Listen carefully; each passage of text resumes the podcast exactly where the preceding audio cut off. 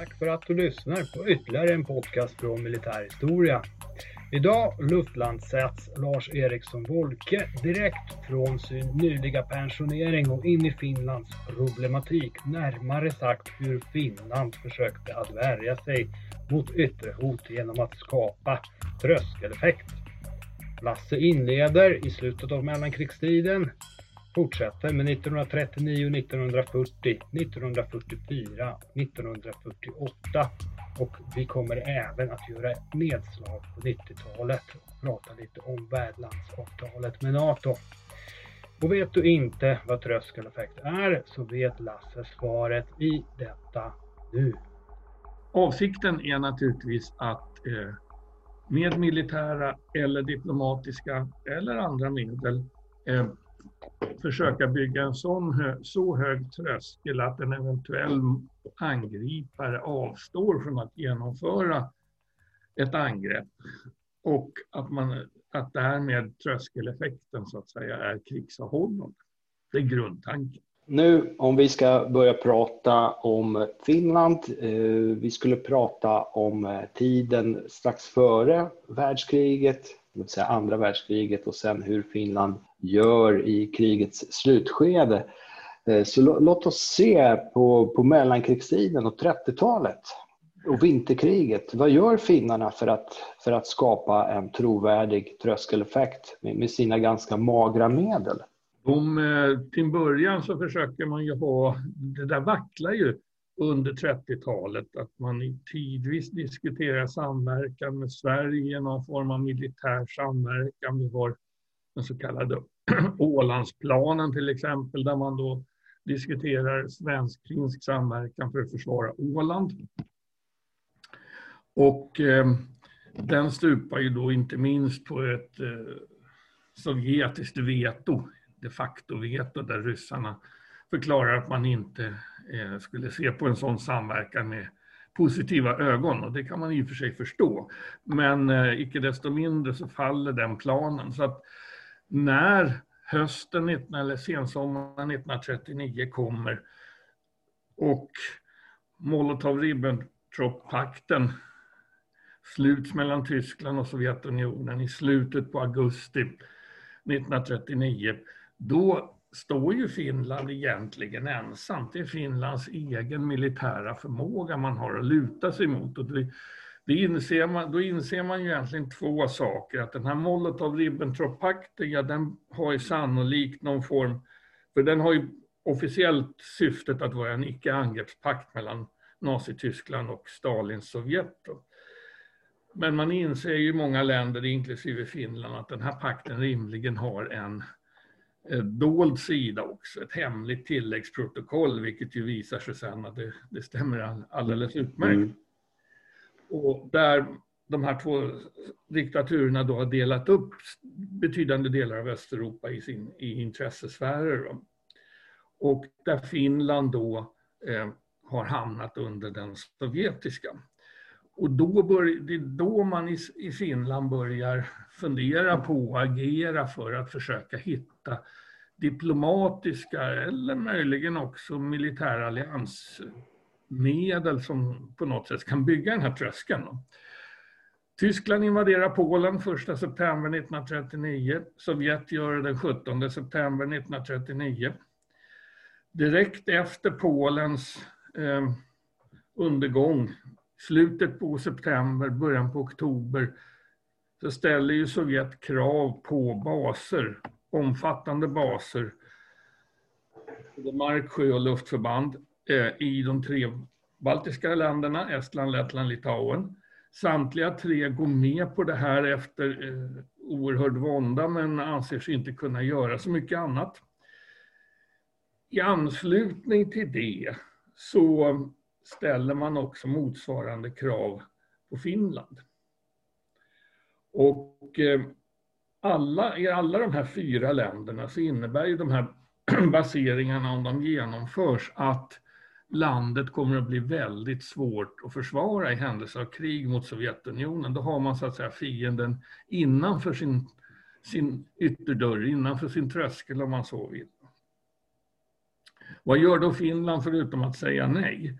Ja, man har under oktober en provmobilisering för att visa sin militära beslutsamhet.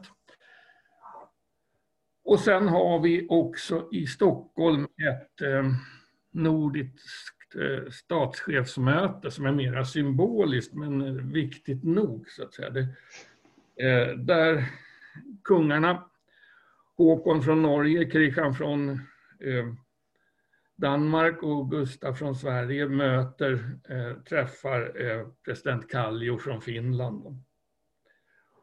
Och eh, det är ett sätt att då visa att de nordiska staterna vill stå utanför den här konflikten som håller på att segla upp nu, som redan har blivit ett europeiskt storkrig och är på väg att bli ett världskrig. Eh, och att man vill, avser att vara neutrala. Men det är ingen, säga, inga resonemang om att man ska hjälpa varandra militärt eller någonting sånt. Så det, är, det är ju mera en gest som man hoppas att de här två aggressiva stormakterna, Tyskland och Sovjet, ska förlita sig på. Så att någon form av symboliska diplomatiska åtgärder. Ja, precis. Och den här eh, gesten eller statschefsmötet är ju det, det, ska jämföras med det som händer på hösten eller sensommaren 1914 i Malmö där de tre skandinaviska eh, statscheferna, kungarna, möts. Finland är ju då en del av Ryssland så att de, de kan av naturliga skäl inte vara med. Och det var ju ett sätt att då förklara och visa för omvärlden att Sverige, Danmark, Norge tänker sig att vara neutrala under den här uppseglande konflikten och då lyckas man ju faktiskt med det. Sen vet vi ju som sitter med facit att 1939, eller rätt sagt 1940, så gick inte det. Men det här är ett försök att återknyta till den signalpolitiken. Parallellt med det här så eh, har finländarna då omfattande kontakter med den svenska regeringen ledd av Per Albin Hansson. Ehm, Elias Erkko som är finsk utrikesminister och sen eh, under vinterkriget blir ambassadör i Stockholm. Han har flera samtal med Per Albin Hansson eh, om där han rent ut ställer frågan om Sovjetunionen anfaller kommer Sverige då att bistå Finland? Och då säger Per Albin Hansson i, i korthet det att vi kommer att bistå på alla sätt vi kan utom med reguljära väpnade styrk, svenska styrkor. Det ska ni inte räkna med. Eh, det beskedet får också K.A. Fagerholm, då en socialdemokratisk finländsk politiker på uppgång som han blir sen statsminister under efterkrigstiden. Eh, dödsfiende med president Kekkonen för övrigt. Eh, och eh, Fagerholm får precis samma besked av Per Albin Hansson när han åker över för att som partibroder så att säga träffa de svenska socialdemokraterna. Att räkna inte med att Sverige går in i krig, ett eventuellt krig på Finlands sida. Sen kommer vi att försöka hjälpa er på alla andra sätt vi kan, men det är liksom det är en annan sak. Då. Och det där har man diskuterat om RK, kanske framförallt Fagerholm, ändå övertolkade eh, de svenska svaren och, och tolkade det som att det trots allt fanns en öppning för att Sverige skulle bistå Finland även militärt. Ehm, och att det i sin tur gjorde att den finska regeringen kanske var väl kaxig skulle man kunna säga mot Sovjetunionen. Vem som hade liksom folkrätten på sin sida och så, det, det är ju ingen tvekan om. Men att Finland var modigare än man kanske hade underlag att vara när man avfärdade de sovjetiska kraven. Hur som, eh, mobiliseringarna i oktober avslutas eh, och sen kommer då den 30 november med det sovjetiska anfallet. Och så fort de första bomberna faller över Helsingfors och striderna börjar på Karelska näset på morgontimmarna så är det ju så oklart att den här försöket att på diplomatiska sätt, diplomatiska vägar bygga tröskeleffekt i Norden har misslyckats för Finland i och med att kriget har brutit ut. Sen vet vi hur det gick. Den stora Finlandsvännen i svenska regeringen, eh, utrikesminister Rickard Sandler, avgår. Vi får en samlingsregering med Christian Günther som utrikesminister. och där Sverige under sen vinterkriget hjälper till med att eh, tillåta frivilliga att åka till Finland, att skicka stora mängder militär materiel och ekonomiskt stöd och så vidare, men icke reguljära finsk, svenska förband. Och det är något som Finland, framför allt när det börjar bli kris i februari 1940, kris på Karelska näset och finska trupperna inte längre orkar stå emot. Då vädjar man från Finlands sida åter om militär, direkt militärt svenskt bistånd och får nej. Då kan man notera att det fanns delar av den svenska militärledningen, men bara delar, framförallt symboliserat av egentligen försvarsstabschefen Axel Rappe, som eh, i princip ju ville skicka reguljära svenska förband till Finland, givet för att om inte annat hejda Röda armén så långt från Sveriges gräns som möjligt. Eh, men när de var i minoritet, överbefälhavaren, general Turnell var uppenbarligen emot det här. Den politiska ledningen var kraftfullt emot eh, att Sverige skulle engagera sig i kriget på detta vis.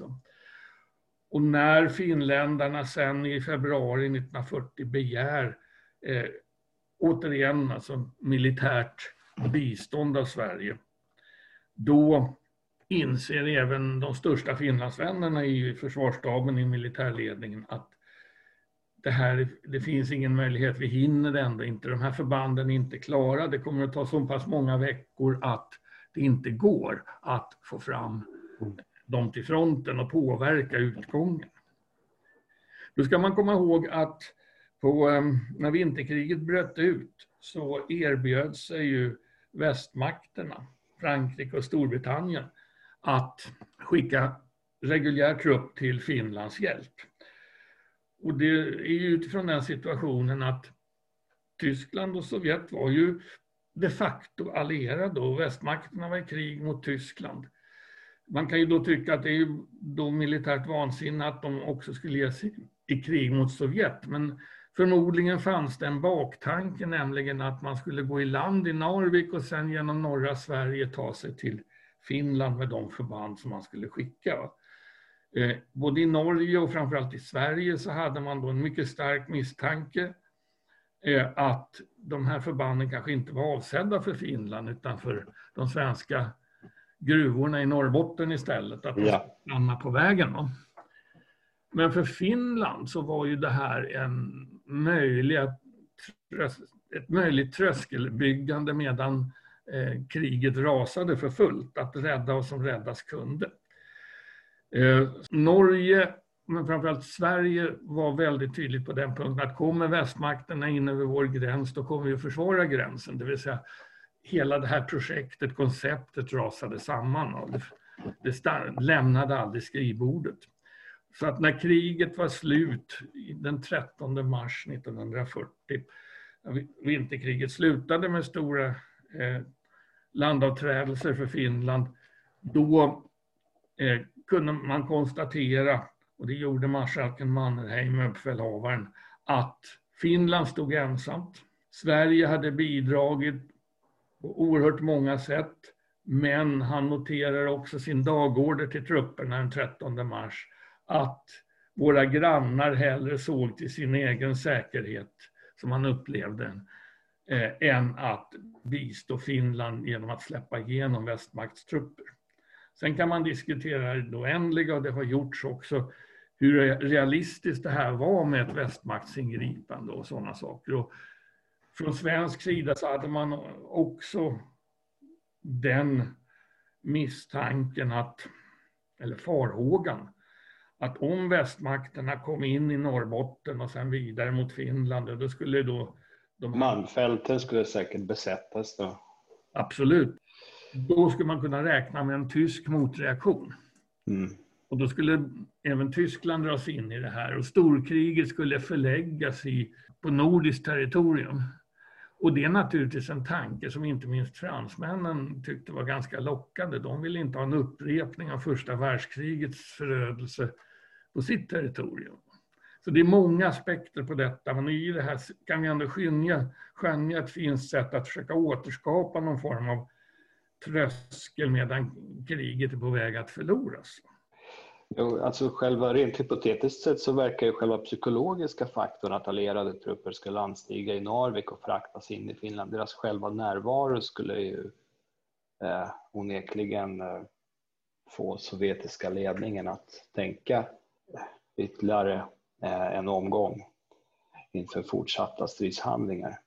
Sen är ju frågan förstås hur realistiskt det, det kan tänkas vara logistiskt sett att lösa transport över Narvik och så ner till, till uh, i Finland till uh, alltså de aktuella uh, stridsområdena.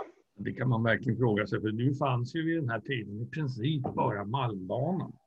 Det här är decennier innan vi får Kiruna-Narvikvägen till exempel. Och, men tanken, det hade ju möjligen kunnat fungera i någon mening att om allierade trupper hade kommit fram till Finland och kanske inte begett sig till fronten men positionerat sig så att Röda armén skulle stöta på dem man ryckte djupare in i Finland. Och på det sättet skulle man skapa någon form. Mm. Mm. Allt sånt här blir bara spekulationer. Och... Ja. Men vad däremot vi har i form av facit, det är ju då att Finland ändå räddade sin självständighet. Eh, genom att de offer man gjorde under vinterkriget. Vi kan ju se hur det på sommaren 1940 utvecklas söder om Finska viken med Estland, Lettland och Litauen. Där ryssarna med våld tvingar fram att alla de tre staterna anhåller, inom kraftiga citationstecken, att bli upptagna i Sovjetunionen. Eh, sen införlivas de slutgiltigt i augusti 1940. Och de är ju de facto eh, försvarslösa egentligen efter de här stora sovjetiska baseringarna som har genomförts från hösten 1939. Så hade Finland gått samma väg och accepterat de här, eh, såna här krav på baseringar då hade förmodligen förutsättningarna för Finland att överleva som självständig stat varit eh, små, för att inte säga obefintliga. Vi kan uttrycka så här att tröskeleffekten fungerade inte som det var tänkt hösten 39 för Finland. Däremot lyckas man överleva tack vare det sega men naturligtvis för oerhört kostsamma försvaret under vinterkriget. Men vad som händer under direkt efter vinterkrigets slut, alltså från mitten på mars 1940. Det är ju två saker egentligen. För det första Tysklands besättande av Danmark och Norge 9 april 1940. Eh, därmed försvinner ju alla teoretiska eh, möjligheter att västmakterna i en framtida konflikt skulle kunna bistå Finland. Nu är det Tyskland som är stormakten. Och då, det an, andra är ju att Finland då, framförallt framåt sommaren 1940, där är man då i den politiska militära ledningen oerhört orolig för att Sovjet ska gå till anfall en andra gång. Och ett sommarfälttåg eh, räknar man inte med att man ska kunna klara på det sätt man klarade vinterkriget så pass länge som man ändå gjorde. Och då skulle så att säga Finland falla ihop. Det är i det läget som vi har den här diskussionen som har varit ända sedan dess egentligen om Finlands anknytning till Tyskland. Under hösten 1940 så börjar ju tyskarna eh, sälja ma militär materiel till Finland. Det är framförallt minor eh, och, och ammunition och sådana saker. Och i november 1940 så är den sovjetiske utrikesministern Molotov på besök i Berlin. Under det besöket så gör tyskarna klart för honom att Tyskland inte accepterar att Sovjet gör ett andra försök att underkuva Finland. Utan, och därmed att, fin, att Tyskland håller så att säga sin beskyddande hand över Finland. I den vevan har man redan tagit beslut i Tyskland om eh, anfallet på Sovjetunionen som slås ut då, eh, sommaren 1941. Då. Och det är ju här Finland då börjar röra sig i riktning Tyskland. Då. Och det där har ju då diskuterats eh, väl ibland talar man om drivvedsteorin, det vill säga att Finland drev som en drivved i, i ett vattendrag i riktning Tyskland. Man hade så att säga inte så mycket annat att välja på. Eh, andra har då mer negativt pekat på att Tyskland faktiskt mycket aktivt sökte, eller Finland mycket aktivt sökte stöd från tysk sida. Och utan att fördjupa oss i den diskussionen så är det ju här vi har det andra försöket till tröskeleffekt egentligen. Att bygga på det här potentiella tyska stödet. Som alltså inte nödvändigtvis till en början betyder ett revanschkrig mot Sovjet. Då, då har man ju krig ändå. Va? Utan det ska vara krigsavhållande. Men sen utvecklas ju under våren 1941 eh, det här och när man från finsk sida blir medveten om de tyska anfallsplanerna mot Sovjet, då, då börjar man ju själv tänka i, i liknande banor, även om det är Sovjet som skjuter de första skotten sen i slutet på juni 1941, de första skotten mot Finland. Det här andra försöket att, tröskel, att få tröskeleffekten till början för att vara krigsavhållande från hösten 40 avskräcka Sovjetunionen med ett, ett eh, visserligen fortfarande diffust men ändå reellt existerande hot från Tyskland. Eller hot med, om ingripande från Tyskland. Men sen utvecklas det till att eh, bli ett eh, gemensamt krig mot Sovjetunionen. Och då har man ju inte uppnått den här tröskeleffekten. Då har man ju själv valt att starta ett krig de facto, även om man förmodligen dragits in i det i alla fall sannolikt. Och framför allt sensommaren 1941 när finska trupper går över den gamla riksgränsen från, från tiden före Moskvafreden 1940 och avancerar djupt in i fjärrkarelen bortanför Ladoga, mellan Ladoga och Anjega framför allt. Eh, samtidigt som man skickar, och där är det ju de facto någon form av erövringskrig från finsk sida, samtidigt som man också medvetet och öppet väljer att inte delta i den tyska belägringen av Leningrad när det kommer så långt.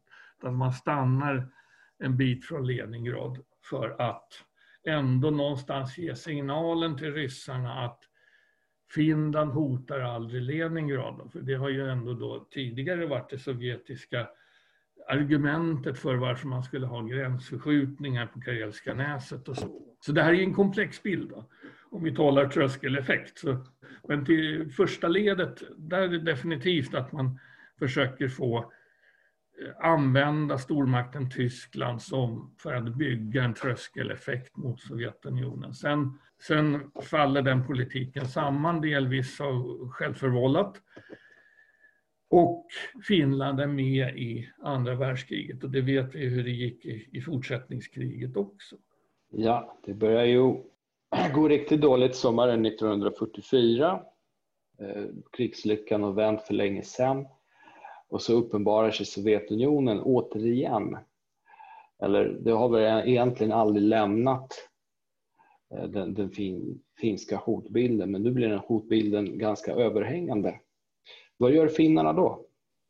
Jo, nej men precis, det blir väldigt överhängande efter under och efter striderna på, avvärjningsstriderna på Karelska näset eh, sommaren 1944, runt midsommar 1944, de följande veckorna.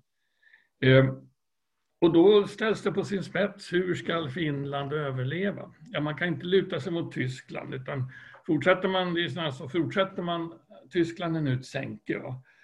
krasst uttryckt, så följer, fortsätter man att luta sig mot Tyskland, ja, då följer man med djupet. Då. Och när eh, finnarna säger upp vapenbrödra förhållandet med, med Tyskland på sommaren där så det, skriver Mannerheim till Hitler och i princip säger kort och kärnt, han är artig så tillvida att han skriver att om Tyskland händelsevis skulle förlora kriget, och det är ju en, det är en vändig omskrivning på Tysklands usla militära läge. Va? Men han säger det att då, då kommer ändå 80 miljoner tyskar att överleva i någon form.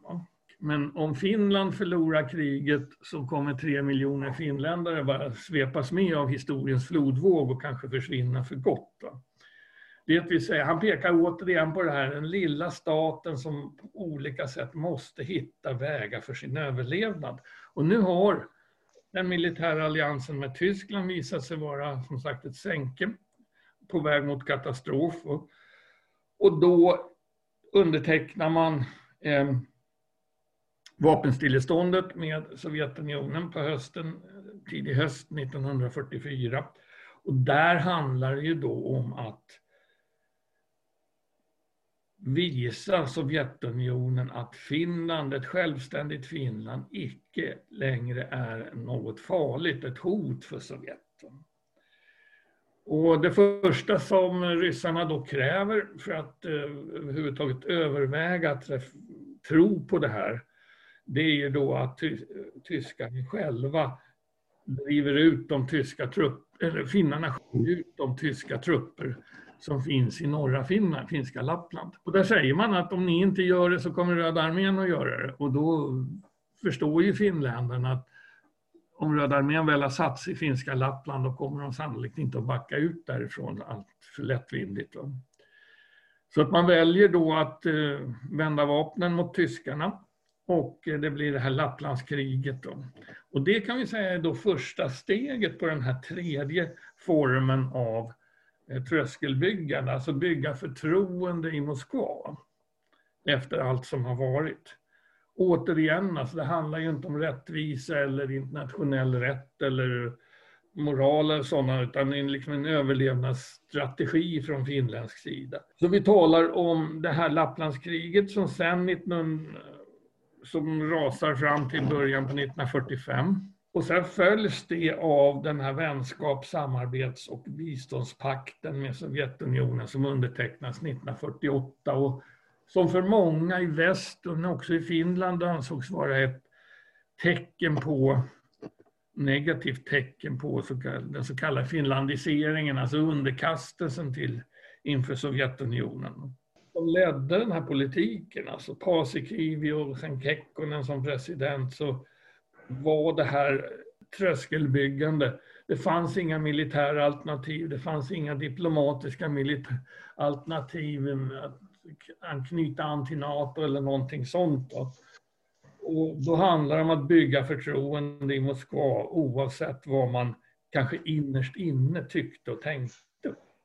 Ja, vi får ju också tänka i sammanhanget att i motsats till mellankrigstiden när man åtminstone inledningsvis på 20-talet eh, laborerade med idén på en form av baltiskt förbund med baltiska staterna eh, och Polen eh, som då i sin tur var allierad med Rumänien och Frankrike så, så finns ju inte de här staterna ens eh, hur, hur skakiga eh, de än var, instabila och resurs, relativt resursfattiga. De finns inte kvar som suveräna stater utan de kontrolleras av Sovjetunionen och ingår i den maktsfären eh, på ett annat sätt än Finland som ändå kontrollerar sitt eget territorium och de politiska processerna.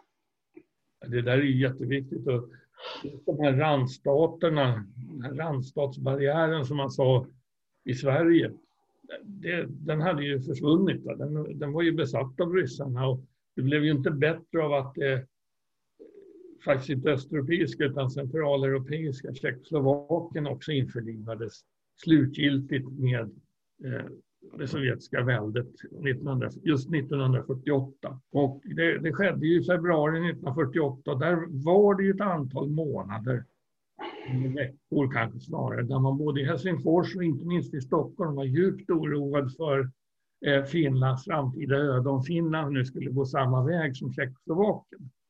Där är ju fan kommunister satt i, i regeringen på efter sovjetisk påtryckning och sådana saker. Det är det perspektivet man ska se den här VSB eller vänskaps-, samarbets och biståndspakten också. Att man lyckades manövrera sig bort genom att bygga den här nya tröskeln av förtroende så att säga med Sovjet. Förtroende är ju inte riktigt rätta ordet, men det är det man försökte åstadkomma, någon form i alla fall. så lyckas man komma bort från det här värsta hotet av att dela Tjeckoslovakiens öde. Sen ju längre tiden gick under kalla kriget så blev ju synbilden av den här VSB-pakten mer och mer kritisk. Eh, och eh, man jämförde då snarast med Sveriges förhållande och Sveriges neutralitetspolitik och eh, därmed Finlands så att säga, ändå påtagliga lutande mot Sovjet. Då. Men än, även, ännu i slutet på 50-talet och början på 60-talet så har vi ju flera stora diplomatiska kriser mellan Finland och Sovjetunionen där framförallt Nordkrisen 1961 är ett sånt här exempel på att Sovjet drar åt tumskruvarna på Finland och man från Finlands sida lyckas fortsätta och eh, behålla det här ska vi säga, förtroendekapitalet hos, hos den ryska ledningen. Mycket av det här kunde ju inte diskuteras riktigt öppet i Finland heller och det är först efter Sovjetunionens fall som diskussionen har blossat upp ordentligt hur pass nödvändigt det var med den här undfallenheten mot Sovjet och, och sådana saker. Men oavsett hur man betraktar det så är det den tredje Eh, for, formen av tröskeleffekt som Finland byggt i förhållande till den här grann, store grannen som ligger där han ligger oavsett vad man, vad man tycker om det så att säga. Och faktiskt så att det är ju den tröskeleffekt som om man ser det som för vad det är, att vara krigsavhållande som faktiskt har fungerat.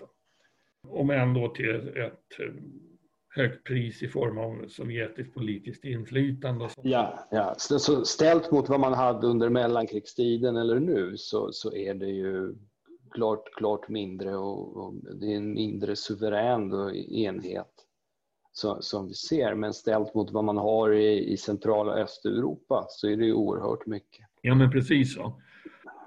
Sen är det ju ganska talande att när Sovjetunionen faller samman i december 1991. Då säger ju Finland upp den här VSB-pakten ganska omgående. Och Finland går sen också med i EU. Då har man inte ett behov av längre den här, känner ett behov av den här tredje formens tröskeleffekt. Däremot Finlands medlemskap i EU och sen på senare år också militära samarbete både med Sverige och med Nato eh, är, kan ju sägas vara en fjärde form av tröskelbyggande för att oavsett om Ryssland, Sovjetunionen är starkt eller svagt så finns de där och eh, man måste från Finlands sida ändå räkna med och fundera på hur man ska kunna eh, agera krigsavhållande i ett krisläge. Och nu EU-medlemskapet, samarbete med Sverige och NATO får väl ändå anses vara eh, ett steg mot en fjärde form av tröskeleffekt för Finland. Och det facit har vi ju inte sett. Facit på det har vi ju inte sett än. Ja, av, av, eh, av diverse ryska påtryckningar genom, genom officiella diplomatiska kanaler och sådant som de skriver i i sin militära press som, som är tillgänglig så tycks ju den, den fungera så tillvida att den upprör väldigt mycket. Det samarbetet. Eh, kom ihåg eh, 2016 var det väl eh, när, när Sverige undertecknade värdlandsavtal med, med NATO. Det var väldigt mycket skriverier då, påtryckningsmedel som användes som, som studsade i svensk media. Jag vet inte hur det var med Finland. Kommer du ihåg någonting från de här händelserna? Nej, jag tror inte på samma sätt, men jag ska låta det vara osagt att jag inte samma upprördhet som när det gällde Sverige. Å andra sidan har ju Finland också agerat på ett sätt som är vill säga, mera konsekvent än kanske Sverige alltid har gjort. Alltså ryssarna har ändå, oavsett vad Finland har gjort nu under efterkrigstiden och efter Sovjetunionens fall, så har ju ryssarna kunnat se logiken i det och så. Man har kunnat läsa den finländska säkerhetspolitiken och förstå den antingen man gillar den eller inte. Medan den, till exempel den svenska under kalla kriget ju från sovjetisk sida väldigt mycket upplevdes som ett dubbelspel också där man spelade under, man kallar sig neutrala men spelar under täcket med NATO. Vilket man ju gjorde av eh, liknande skäl att bygga tröskeleffekt för Sverige. Då. Att eh, på det sättet har Finland och Sverige varit, eh, haft lite olika ska säga, framtoning i förhållande till Moskva. Sen eh, om man ska avsluta med någonting så kan man ändå göra den reflektionen att det här utökade och nu ganska mycket intensiva svensk-finska militära samarbetet, inte minst på den marina sidan men även flygsidan, är, är ju någonting som närmast påminner om de diskussioner som fördes under mellankrigstiden när det gäller Ålandsplanen och liknande som sen stupade på sovjetiska invändningar, sovjetiska protester. Idag eh, genomförs det här oavsett vad ryssarna tycker egentligen. Och det säger någonting om det förändrade säkerhetspolitiska läget också. Och, och därmed får vi alltså ett de facto, inte bara som under mellankrigstiden, än att man försökte bygga så att säga, tröskeleffekt genom att planera för olika scenarier och samverkan. Här övar man ju faktiskt samverkan, både taktisk och operativ nivå. Och då börjar vi ju närma oss egentligen den typen av eh, militära aktiviteter som svenska och finska förband bedrev före 1809 när Finland var en del av Sverige. Och då var vi ju en, var en integrerad stat, en integrerad krigsmakt och så vidare. Men vi har inte upplevt något liknande efter det egentligen. Och det är ytterligare en dimension till den här tröskeleffektsdiskussionen. Ja, samtidigt så är det ett klart eh, praktiskt närmande mellan länderna medan man då fortfarande i sina värdlandsavtal med NATO eh, Eh, uttryckligen då säger att man värnar av sin militära alliansfrihet. Ja, och det, så, det är ju helt enkelt så att man uppenbarligen håller flera dörrar öppna. Eller snickrar på flera olika trösklar samtidigt, mer eller mindre intensivt. Och sen förr eller senare kommer naturligtvis eh, den dagen när man måste bestämma sig både i Stockholm och Helsingfors för vad, vilken av trösklarna man ska satsa på så att i alla fall någon blir tillräckligt hög. Och då kan man ju möjligen misstänka att det blir en, eh, ett NATO-medlemskap för båda länderna, men det, det vet vi ärligt talat inte. Nej. Nej. Vi på militärhistoriska sektionen på Försvarshögskolan är väldigt tacksamma över att just du lyssnade och tar här avsked. Åtminstone för fyra veckor framåt. Misströsta inte. Adjö.